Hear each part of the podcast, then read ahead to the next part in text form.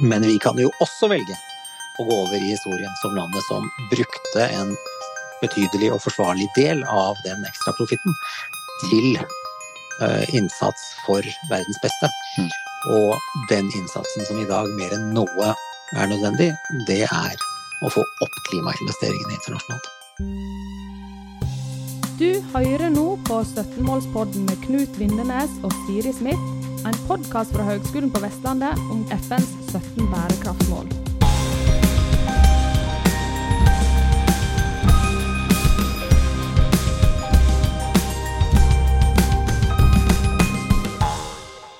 Ja, hallo alle sammen. Velkommen til en ny episode i 17-årspodden.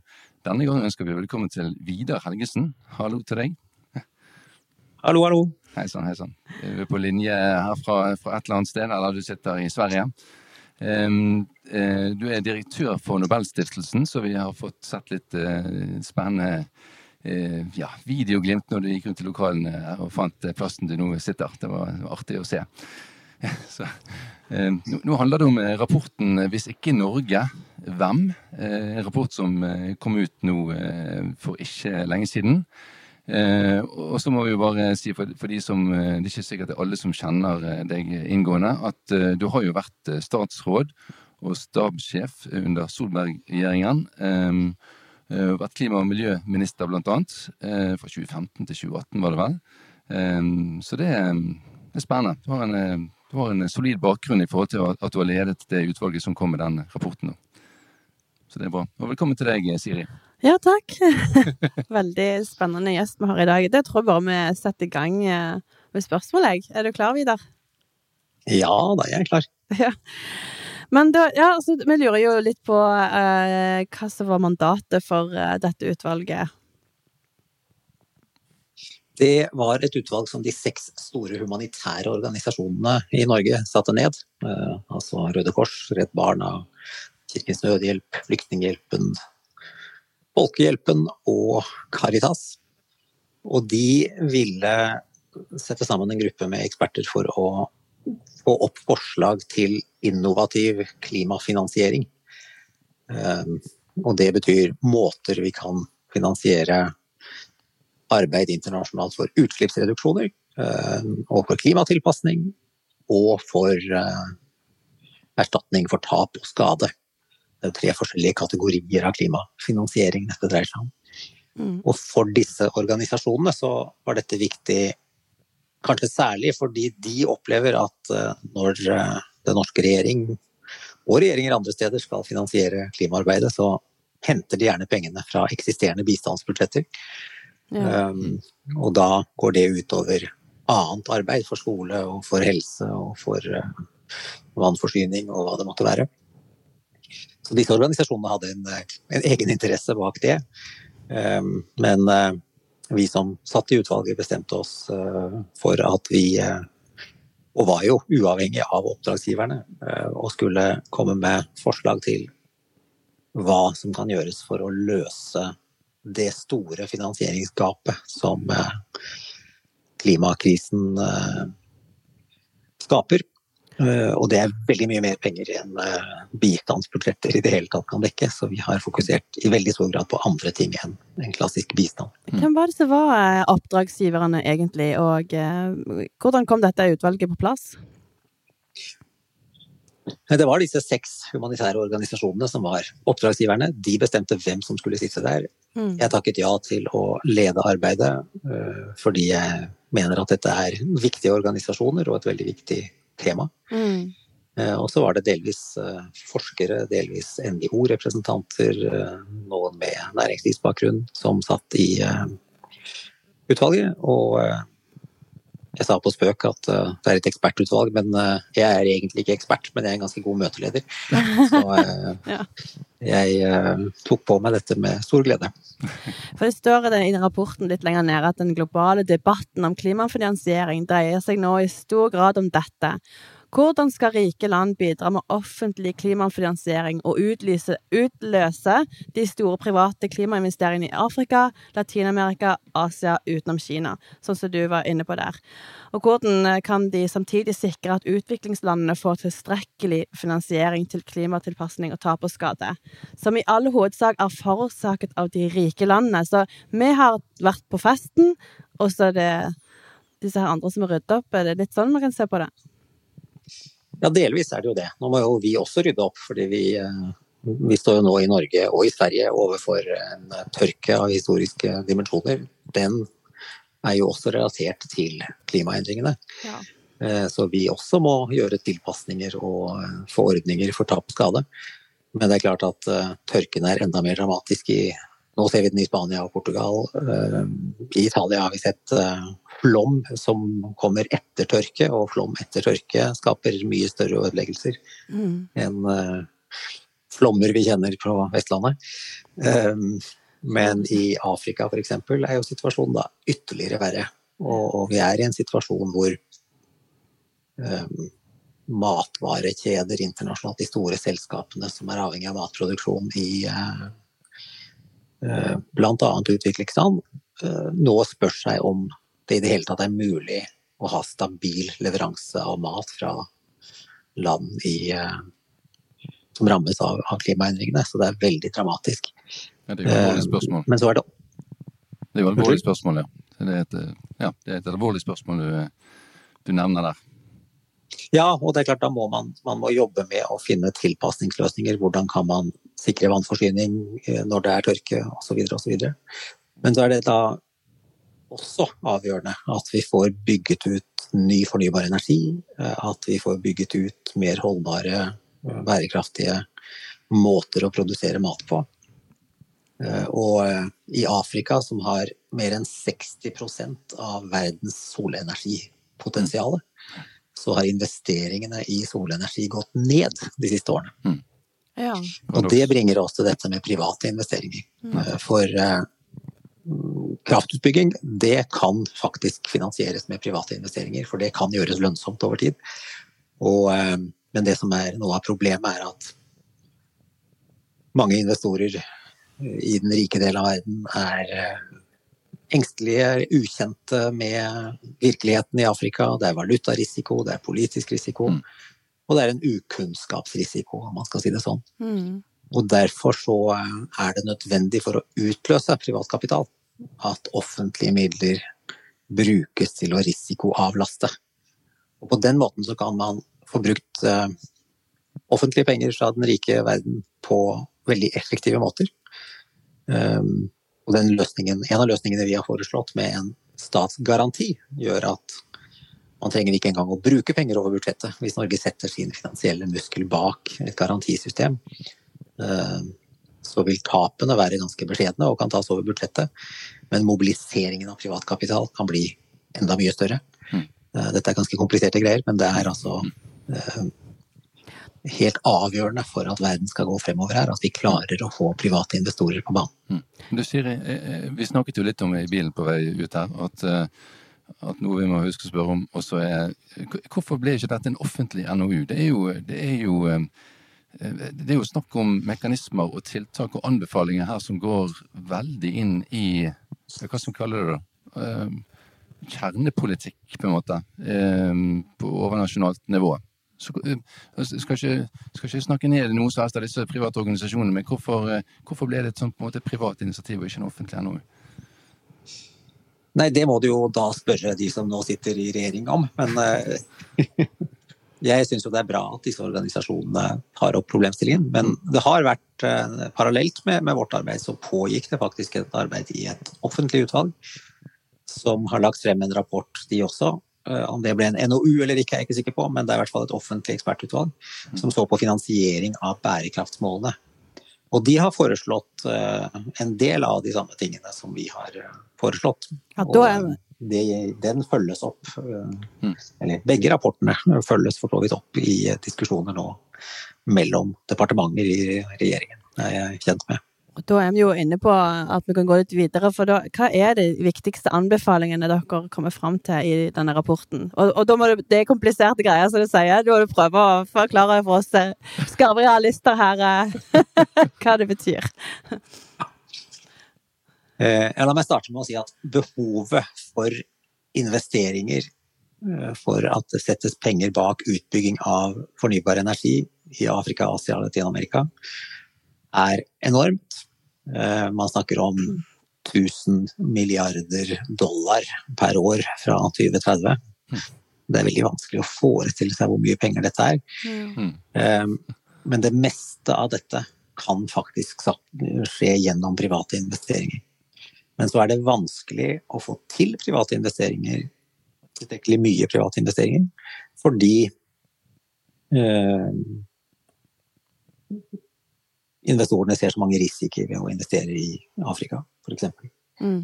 Eh, samtidig som du har fått denne pakken, klimapakken til Biden i USA, som drar investeringer til USA. Så folk som Jeg er kjent med folk som har tenkt å investere i Brasil, og nå sier nei, vi flytter investeringene til USA, for det er mye mer eh, sikkert og, og lønnsomt. Samme med India. Um, at folk flytter investeringene sine til USA. Ja, Og så skal EU svare på denne amerikanske Inflation Reduction Act, Mm. og da blir det jo mer lønnsomt også å investere i EU. Mm. Og tap, det er jo bra i og for seg, men taperen i dette bildet er altså utviklingslandene. Ja, ja. Men kan, kan, kan, du bare utdype litt, derfor kan du bare utdype litt hva som Ja. ligger i politisk risiko, selv om det kanskje er opplagt, så er det ikke sikkert alle henger med i svingene på hva som faktisk ligger Nei, politisk risiko betyr jo at eh, du vet ikke hva som er rammebetingelsene. Du kan ha en regjering i et land som har stort solenergipotensial, men en regjering som eh, plutselig neste uke kan finne på å nasjonalisere all kraftinfrastruktur. Eh, Mm. Dette er ofte overdrevet. Det er ikke ofte nødvendigvis så høy politisk risiko, men det er, det er også stor valutarisiko. Det er nok den største risikoen. Altså valutasvingninger når det er små og sårbare valutaer. Eh, Men, men eh, det er en risiko som investorene mener er der, og det forhindrer dem fra å investere nok. Mm.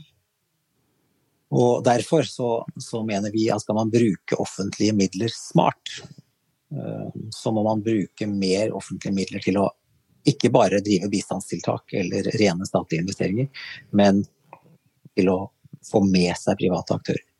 Og da skal det ofte ikke så mye til. Eh, Vi et, vi fikk et internasjonalt ekspertmiljø til å gjøre en beregning for oss. Og hold dere fast, for nå skal det komme litt tall. Um, hvis vi lager i Norge en statsgaranti på 200 milliarder kroner, eh, så er det penger som, som ikke behøver å bevilges over statsbudsjettet, men som kan være en backup for private investeringer. Det ville, ut fra erfaringer internasjonalt, mobilisere 300 milliarder kroner i private investeringer. Det er ganske eh, heftig. Og det er mye penger. 300 milliarder. Hva måtte man da ha ut med over budsjettet?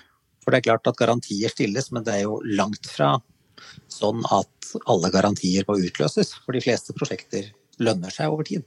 Mm. Og det man da historisk sett erfarer, er at det ville vært nok med 13 milliarder kroner over statsbudsjettet for tapsavsetninger, altså å sette av penger til å dekke eventuelle tap, og til prosjektutvikling. Man må ha litt midler til å, å prøve å få prosjekter opp og, opp og, og eh, få en pipeline, som det heter, for investeringer. Mm. Så det dette betyr, er at 13 milliarder over det norske statsbudsjettet kunne mobilisere 300 milliarder kroner i privat kapital. Mm.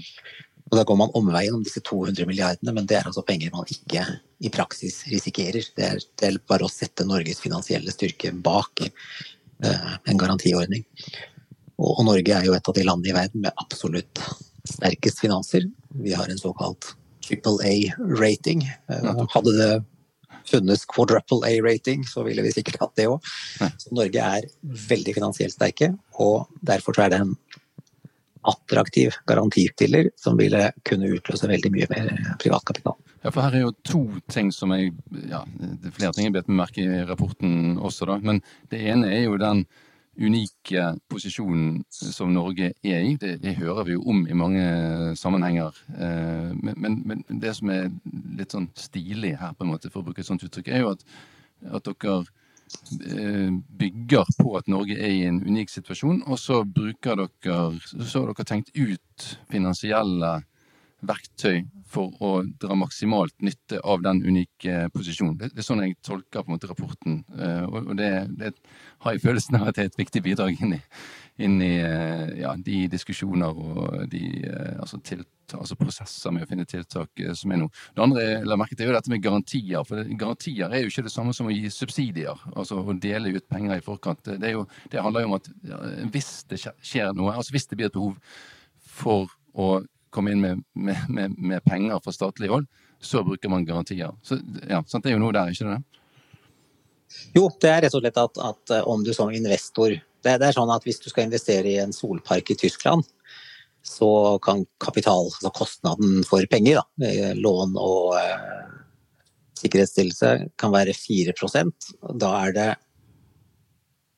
for en solpark i Sør-Afrika 11 Eh, så det er mye dyrere å investere i eh, land i eh, Afrika, Asia, Latin-Amerika. Og det er det gapet som gjør at private investorer nøler. Og det er der en sånn sikkerhetsstillelse, en, en garanti, en pant, om du vil. det er jo ikke en pant, men jeg prøver å finne uttrykk som, eh, som ja. Eh, vi kan kjenne igjen fra hverdagen. Men, men, at man stiller sikkerhet for at de private skal, investorene skal våge å, å satse. Ja, ja. Og så vet vi jo faktisk, det har kommet etter at vi la frem rapporten, men det er gjort en, en undersøkelse nå som viser at Norfund, som, jo, som, som, også, som er et norsk eh, investeringsverktøy for utviklingsland, og som også administrerer Klimainvesteringsfondet, som Stortinget etablerte for noen år siden. Mm. Det er ikke en garantimekanisme, men det er en investeringsmekanisme. Og vi har foreslått også og vist på muligheter til å styrke eh, Klimainvesteringsfondet. Men Norfunds investeringer over 25 år i utviklingsland har altså hatt bedre avkastning enn Statens pensjonsfond utland har hatt over de samme 25 årene. Mm. Ja, og det forteller oss uh, flere ting, men én ting det forteller oss, er at det er faktisk mulig å tjene penger i utviklingsland. For det har Norfund klart. Um, Statens pensjonsfond utland får ikke lov til å investere noe særlig i utviklingsland, og de er et indeksfond, så de skal være veldig uh, måteholdne. Men jeg ser du på vekstratene i uh, land i Afrika og Asia, så er jo de gjennomgående mye høyere enn vekstratene i europeiske land. Så det er penger å tjene, men det er en risiko, og en oppfattet risiko, mm. som holder mange unna.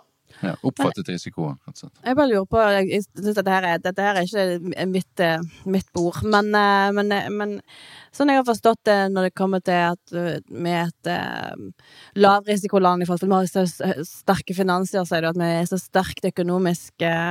Men samtidig så har det jo skjedd ting, og sikkert etter denne rapporten kom ut òg, at uh, mange av våre altså investorer, eller de rike i Norge, flytter til Sveits, og krona er svake, og liksom Vi profitterer på krigen i Ukraina. Altså, det er sånne ting som jeg føler at vi gjør at vi ikke er så troverdige lenger, og kanskje vi ikke har den posisjonen som vi kunne hatt. Uh, eller er det bare sånn type ting som står i VG, som man ikke skal Som, som egentlig ikke betyr noe? Nei, vi er i en stadig vanskeligere situasjon, vil jeg si, i Norge. Fordi vi, eh, vi omtales i internasjonale medier som krigsprofitør. Eh, da Jonas Gahr Støre skulle til eh, Brussel i fjor på et møte med kommisjonspresidenten, så skrev Politico, som er Brussels mest leste politiske magasin, at nå måtte EU-kommisjonen eh, ta ham i et sånt eh, håndgrep for å eh, få Norge til å bla opp mer penger. Um, så vi har et rykteproblem der. Og så har vi et rykteproblem som går på at nå som klimaendringene virkelig begynner å bite, også på vårt eget kontinent, i Norge, i Spania, overalt du ser egentlig, så guffer Norge på med ny oljeleting og intensivert oljeproduksjon. Mm. Samtidig som klimaendringene biter. Ja, det og det gjør Vi har jo lenge snakket om den norske klimaspagaten, at vi er flinke i internasjonale klimaforhandlinger og internasjonal klimabistand, og samtidig har oljeproduksjon. Ja. Men nå blir dette mer akutt, fordi det, er, det blir så bisarr. Vi mm. snakker om at vi, vi, er vant til å snakke om oljeprisen i Norge, Uh, og den er uh, høy for tiden. Prisen på olivenolje er på sitt høyeste nå på 30 år, fordi eh, tørken i Spania, og Portugal og Italia, flommen, gjør at, at vi står overfor reell mangel på matproduksjon. Ja. Så det er ja, det blir stadig vanskeligere for Norge å forsvare den linjen internasjonalt. Eh, og, og, og, vi kommer til å gå over i historien som landet som guffet på med olje og gass samtidig som klimaendringene startet å bite. Ja, ja. Eh, men vi kan jo også velge å gå over i historien som landet som brukte en betydelig og forsvarlig del av den ekstraprofitten til uh, innsats for verdens beste. Mm. Og den innsatsen som i dag mer enn noe er nødvendig, det er å få opp klimainvesteringene internasjonalt. Mm. Hvordan, hvordan, eh, hvordan, er rapporten blitt mottatt, syns du sjøl? Er, er, det blitt såpass debatt som det burde bli, både i politiske kretser og i media og det hele tatt? Eller? Nei, ikke som det burde bli, fordi eh, politikken har jo problemer med å konsumere men mer enn ett tema om gangen. Så eh, vi så jo det under covid, at det var ikke så mye plass til klimadebatt. Men, eh, og mm. vi ser under, under uh, krigen i Ukraina at eh, det er ikke tid til så mye annet. Mm. Eh, men når det er sagt, så må jeg si at vi fikk mye mer oppmerksomhet om rapporten da vi la den frem. Eh, full, fullt hus og mye mediedekning da vi la den frem. Den blir brukt og fulgt opp i prosesser internt i regjeringen mellom departementene, hvor de nå diskuterer en mulig garantiordning. Hm. Det er jo det viktigste at det diskuteres der, i de korridorene. Ja, nå er min mistanke at det kommer ikke til å bli på de beløpsnivåene som vi mener er nødvendig, men, uh, men det er iallfall en diskusjon. Og så har den interessant nok blitt fanget opp internasjonalt, så jeg har blitt, uh, blitt uh, kallet på fra ulike hold for å snakke om dette. Og jeg er veldig nøye med å understreke at dette er ikke en norsk offentlig utredning. Dette er ikke et regjeringsinitiativ. Men det, det illustrerer det der med at folk ser til Norge. Når en tidligere klima- og miljøminister har ledet et utvalg og lagt frem forslag og mener at Norge må gjøre mer, så, så vekker det interesse. Mm. Så eh, jeg er bl.a. blitt invitert nå til Det skal være et stort klimafinansieringstoppmøte i Paris denne uken, som Macron har invitert til sammen med, med Barbados statsminister. Barbados ja. er jo et av landene som bokstavelig talt kan gå under som følge av klimaendringene. Ja. Uh, og de skal prøve å sette en ny agenda for verdens uh, klimafinansiering. Ja. Eh, og på et event der er jeg blitt bedt om å være hovedtaler sammen med denne statsministeren i Barbados. Det forteller jo litt om eh, interessen internasjonalt for eh, Og forventningene internasjonalt til hva Norge kan bidra med. Og jeg, eh, jeg bidrar gjerne til de forventningene, fordi jeg mener at Norge bør bidra mer. Ja. Absolutt. Og jeg tenker jo at det, at det står her muligheten sant, altså for å lage en koalisjon som går sammen av rike land til å samle penger inn, eller få lagd en slags Um, hva kaller for klima, global klimainvestering um, med altså disse bidragsyterne. Um, og det står at, uh, i rapporten da, at Norge bør gå foran for å etablere en sånn koalisjon. Situasjonen formelig skriker etter lederskap, og dagens geopolitikk skriker etter slikt lederskap. Eh, fra et land med stor troverdighet, og der har vi jo snakket litt om spørsmålstegn, og store ressurser, det har vi jo absolutt, og ingen er bedre stilt enn overskuddsnasjonen Norge til å ta initiativ. Men jeg tenker det hadde jo vært en enorm stolthet at vi klarte å få i gang dette her. Altså, det hadde vi på en måte litt sånn avlat, kanskje, så du var på en måte inne, inne på at eh, ja, vi har, vi, vi har tjent godt på olje og gass, vi, har, vi profitterer på krigen, kan man si, men så bruker vi dette til verdens gode. Eh, det hadde jo på en måte Ja, det hadde vært en god ting, tenker jeg, men klarer vi å få til det? Er det virkelig Det høres jo helt fantastisk ut. Eh, er det mulig? Ja, altså jeg håper jo det. Nå, nå, er det klart, nå er det lokalvalg i Norge, og vi har en regjering som sliter med det ene og det andre. Eh, men vi har også en statsminister som eh, er en internasjonal lederskikkelse. er kjent internasjonalt og har forventninger på seg. Og han styrer et land som har forventninger og, og, ja, vårt rykte er under press, men vi har også en tradisjon som gjør at vi eh, Så folk vet at Norge er et land som tradisjonelt har gitt mye bistand, kommet med interessante initiativer og viktige initiativer. Det har vi gjort på regnskog, det har vi gjort på hav. Eh, og jeg tror at tiden er inne for å gjøre noe riktig kraftfullt på, på eh, klimainvesteringer. Og det vi da foreslår fra utvalgets side, det er at Norge sier vi er villige til å gjøre noe stort, legger mye penger på bordet, og gjerne da i form av en sånn garanti som ikke krever budsjettutdeling, eh, men som kan utløse mye penger. Og så kan man si at hvis andre blir med oss, så er vi villige til å bidra enda mer.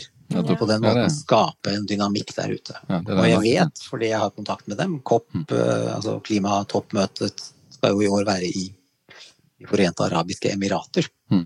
En annen oljenasjon. Eh, de er jo under ganske stort press, eh, bl.a. fordi de har utpekt oljesjefen sin som president for klimatoppmøtet. Og det er klart at de kommer nok til å ønske å komme opp med noe som viser at de eh, mener alvor med klimainnsats. Mm. Um, og hvis de kommer opp med noe, og Norge kommer opp med noe som er veldig mye mindre, så vil jo det se litt merkelig ut. Ja, det er jo eh, Det er et eller annet der den overordna eh, forståelsen å klare å styre eh, og, og, få gjort noe. For det som du sier, her er det Det ligger an til enda større tørke enn det var i fjor. I fjor på tre kontinenter, nå er det jo òg mye nærmere oss. Vi er rett ut forbi døra, ikke sant. Eh, det, det, situasjonen skriker etter lederskap, ja, og action, rett og slett. Eh, og vi må jo gi Greta Thunberg rett i det. Eh, men litt tilbake til disse her anbefalingene.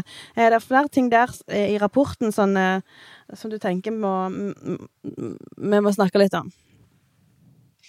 Ja, nå har vi jo snakket mye om investeringer og, og, og utslippsreduksjoner. Eh, men det er jo også eh, Og hvor vi ikke bare har foreslått en garantiordning, men også foreslått å styrke klimainvesteringsfondet, f.eks. Men, men eh,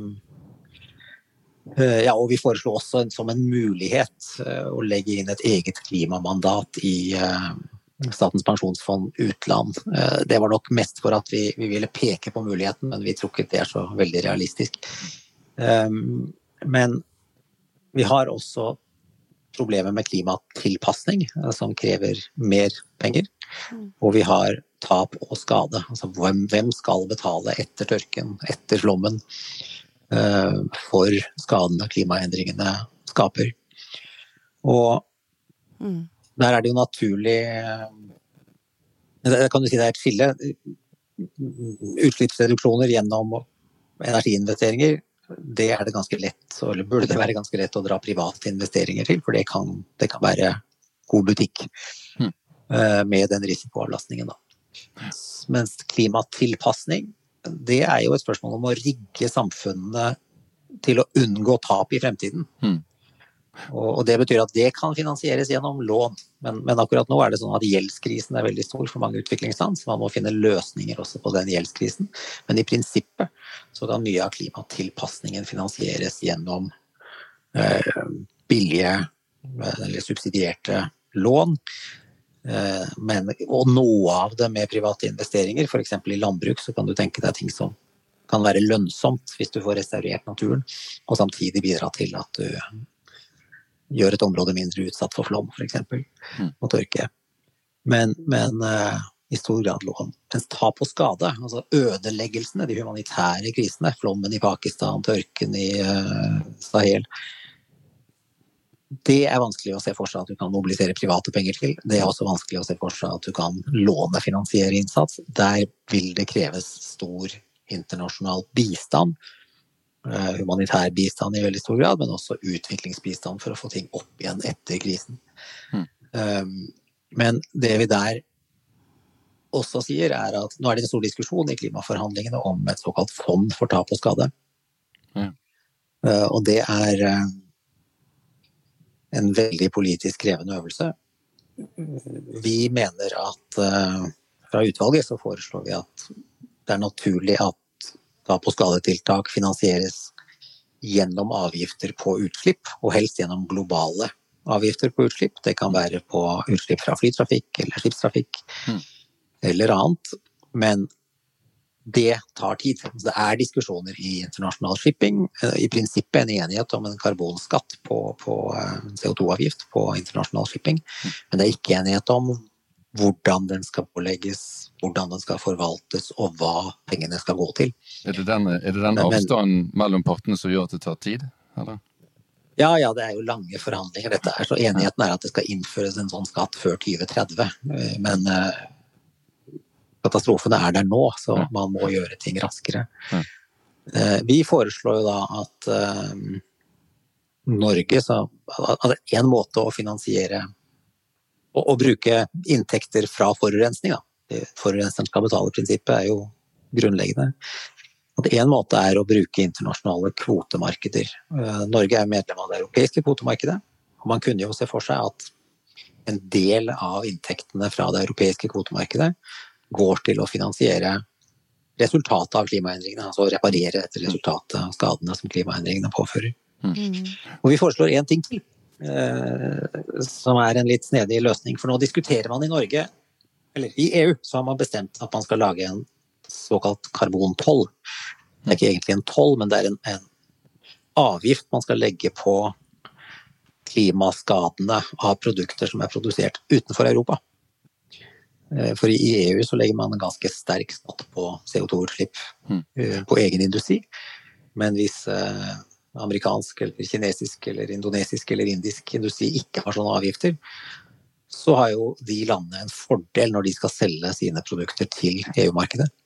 Og derfor så skal man legge på en sånn klimaskatt. De kaller det for en climate border adjustment mechanism. Altså en slags grenseavgift på CO2. Ja. Mm. Norge har ikke bestemt seg for om vi skal være med i dette. Jeg mener veldig sterkt at eh, det vil være veldig lurt for Norge å være med, og veldig dumt å ikke være med. Eh, men vi foreslo fra utvalget at Norge kunne si at vi går med på dette. Vi blir en del av denne mekanismen i EU. Men vi vil at en del av inntektene fra dette skal gå til uh, tap og skade. Eller finansiering av, av tap og skade internasjonalt. Mm. Og om ikke EU går med på det for sine penger, så kunne man si at i hvert fall Norges inntekter fra mm. en sånn avgift skal gå til dette. Fordelen med det er at da får man jo i praksis en global mekanisme. Fordi EU, denne EU-modellen gjør jo at også kinesere og amerikanere og indere må betale karbonskatt til EU. Eh, e mm.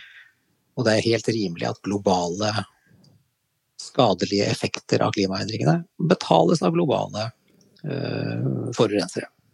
Mm. Så Det er et av forslagene. Det har ikke fått så mye omtale, men, men, og det er også en viktig og morsom, og interessant eh, europapolitisk dimensjon i, i, i Norge. Men, eh, men, det er et av forslagene vi har for, for tap og skade. Ja. Mm. ja. Wow, det er jo masse greier som må gjøres, og det er Ja det, er jo, må jeg si ganske langt framme i skoene på mye. Det er jo veldig kjekt. Det er imponerende. Hadde du noen spørsmål, Knut? Jeg tenker vi må komme til en avslutning snart. Eh, men før vi, før vi gir oss, det er jo litt spennende å høre om ditt engasjement. Hvor startet ditt bærekraftsengasjement, Vidar? Eh, det startet egentlig på midten av 80-tallet, da jeg var skoleelev og eh, engasjerte meg i TV-aksjonen i 1985 var en såkalt ungdomskampanje. Da var ungdomsorganisasjoner med på var de som drev den kampanjen og, og hadde prosjekter i utviklingsland. Jeg var med på lokalt nivå i Vestfold på å organisere den kampanjen, og ble også med i Operasjon Dagsverk, som både først på min skole, og så på i, i, som fylkesleder, og så på nasjonalt nivå som leder for Operasjondagsverket i Norge. Der har jo også Erna vært uh, leder noen år før meg. Ja, tanken slo meg. Eh, så hennes, hennes, solidaritetsengasjement kommer også fra og hennes opptatthet av utdanning, ikke minst for jenter i utviklingsland, kommer jo akkurat fra det samme. Ja. Så, så det startet der. Ja, det begynner å bli noen år siden nå. Ja, Det høres bra ut. Ja, og det er også et spørsmål vi, vi kommer jo som sagt fra Høgskolen på Vestlandet, og eh, det er jo en forsknings- og utdanningsinstitusjon. Har du noen tanker rundt eh, hva, noen meldinger til studentene, kanskje? Hva de eh, bør rette seg inn mot framtiden hvis de er interessert i sånn type arbeid som det du har jobbet med her? Ja, der vil jeg nok ta et ganske bredt perspektiv, fordi Eh, man kan selvsagt, eh, og det er viktig, rette seg inn på bærekraftstudier og eh, sånt. Men jeg, jeg sitter jo nå som sjef for Nobelstiftelsen, og vi deler jo ut en ikke helt ukjent pris. Og det er ikke bare fredspris, vi deler ut vitenskapspriser også. Og det jeg ser der Folk spør meg stadig vekk bør det ikke være en nobelpris i klima- og miljøinnsats. Og da er mitt svar at alle nobelprisene er det. Mm. Vi har hatt eh, fredspris til Al Gore og FNs klimapanel. Vi har hatt fysikkpris til grunnleggende klimaforskning. Men vi har også hatt uh, uh, kjemipris til uh, litium-ion batteriteknologi, til LED-belysning. Mm. Så mange av prisene, og stadig flere i nyere tid, går jo til ting som er veldig økonomi, veldig økologisk og, og miljøbesparende aktiviteter. Så det er interessant. Og det jeg da skal det dette skal munne ut i, er en oppfordring til å engasjere seg der man har sin interesse. Og har man interesse for naturvitenskap, så engasjer deg i det. Men eh, gjerne da for å finne løsninger som eh, sikrer en bærekraftig planet. Og da trenger vi både fysikere og kjemikere og medisinere og bærekraftseksperter. Hmm. Ja, ja, og jurister, da, må jo jeg si, som er jurist i bunnen. det må du jo si, selvfølgelig.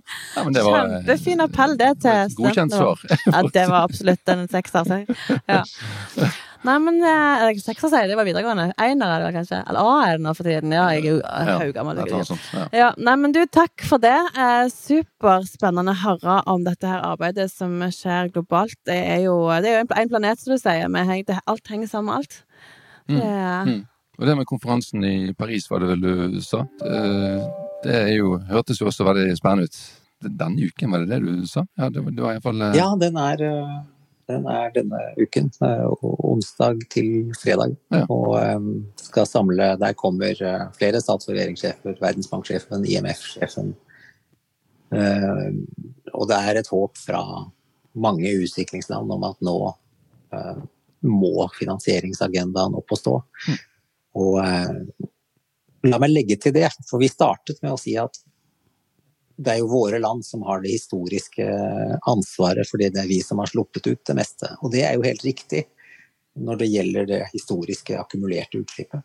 Men i dag, hvis du regner med India som utviklingsland, eh, unnskyld, hvis du regner med Kina som utviklingsland, så er altså utviklingslandene de står for over 60% av de globale utslippene.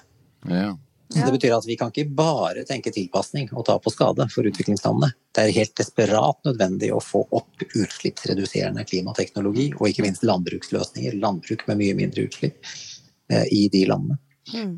Og det er, det er, ikke så mange som er klar over at nå er vi der i verden. Eh, at også utviklingslandene har altfor høye utslipp. Mm.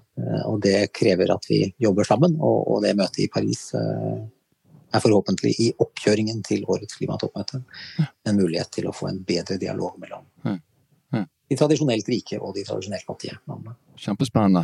Jeg ser at jeg holder på å gå tom for batteriene på PC-en, så jeg tror vi er nødt til å avslutte snart.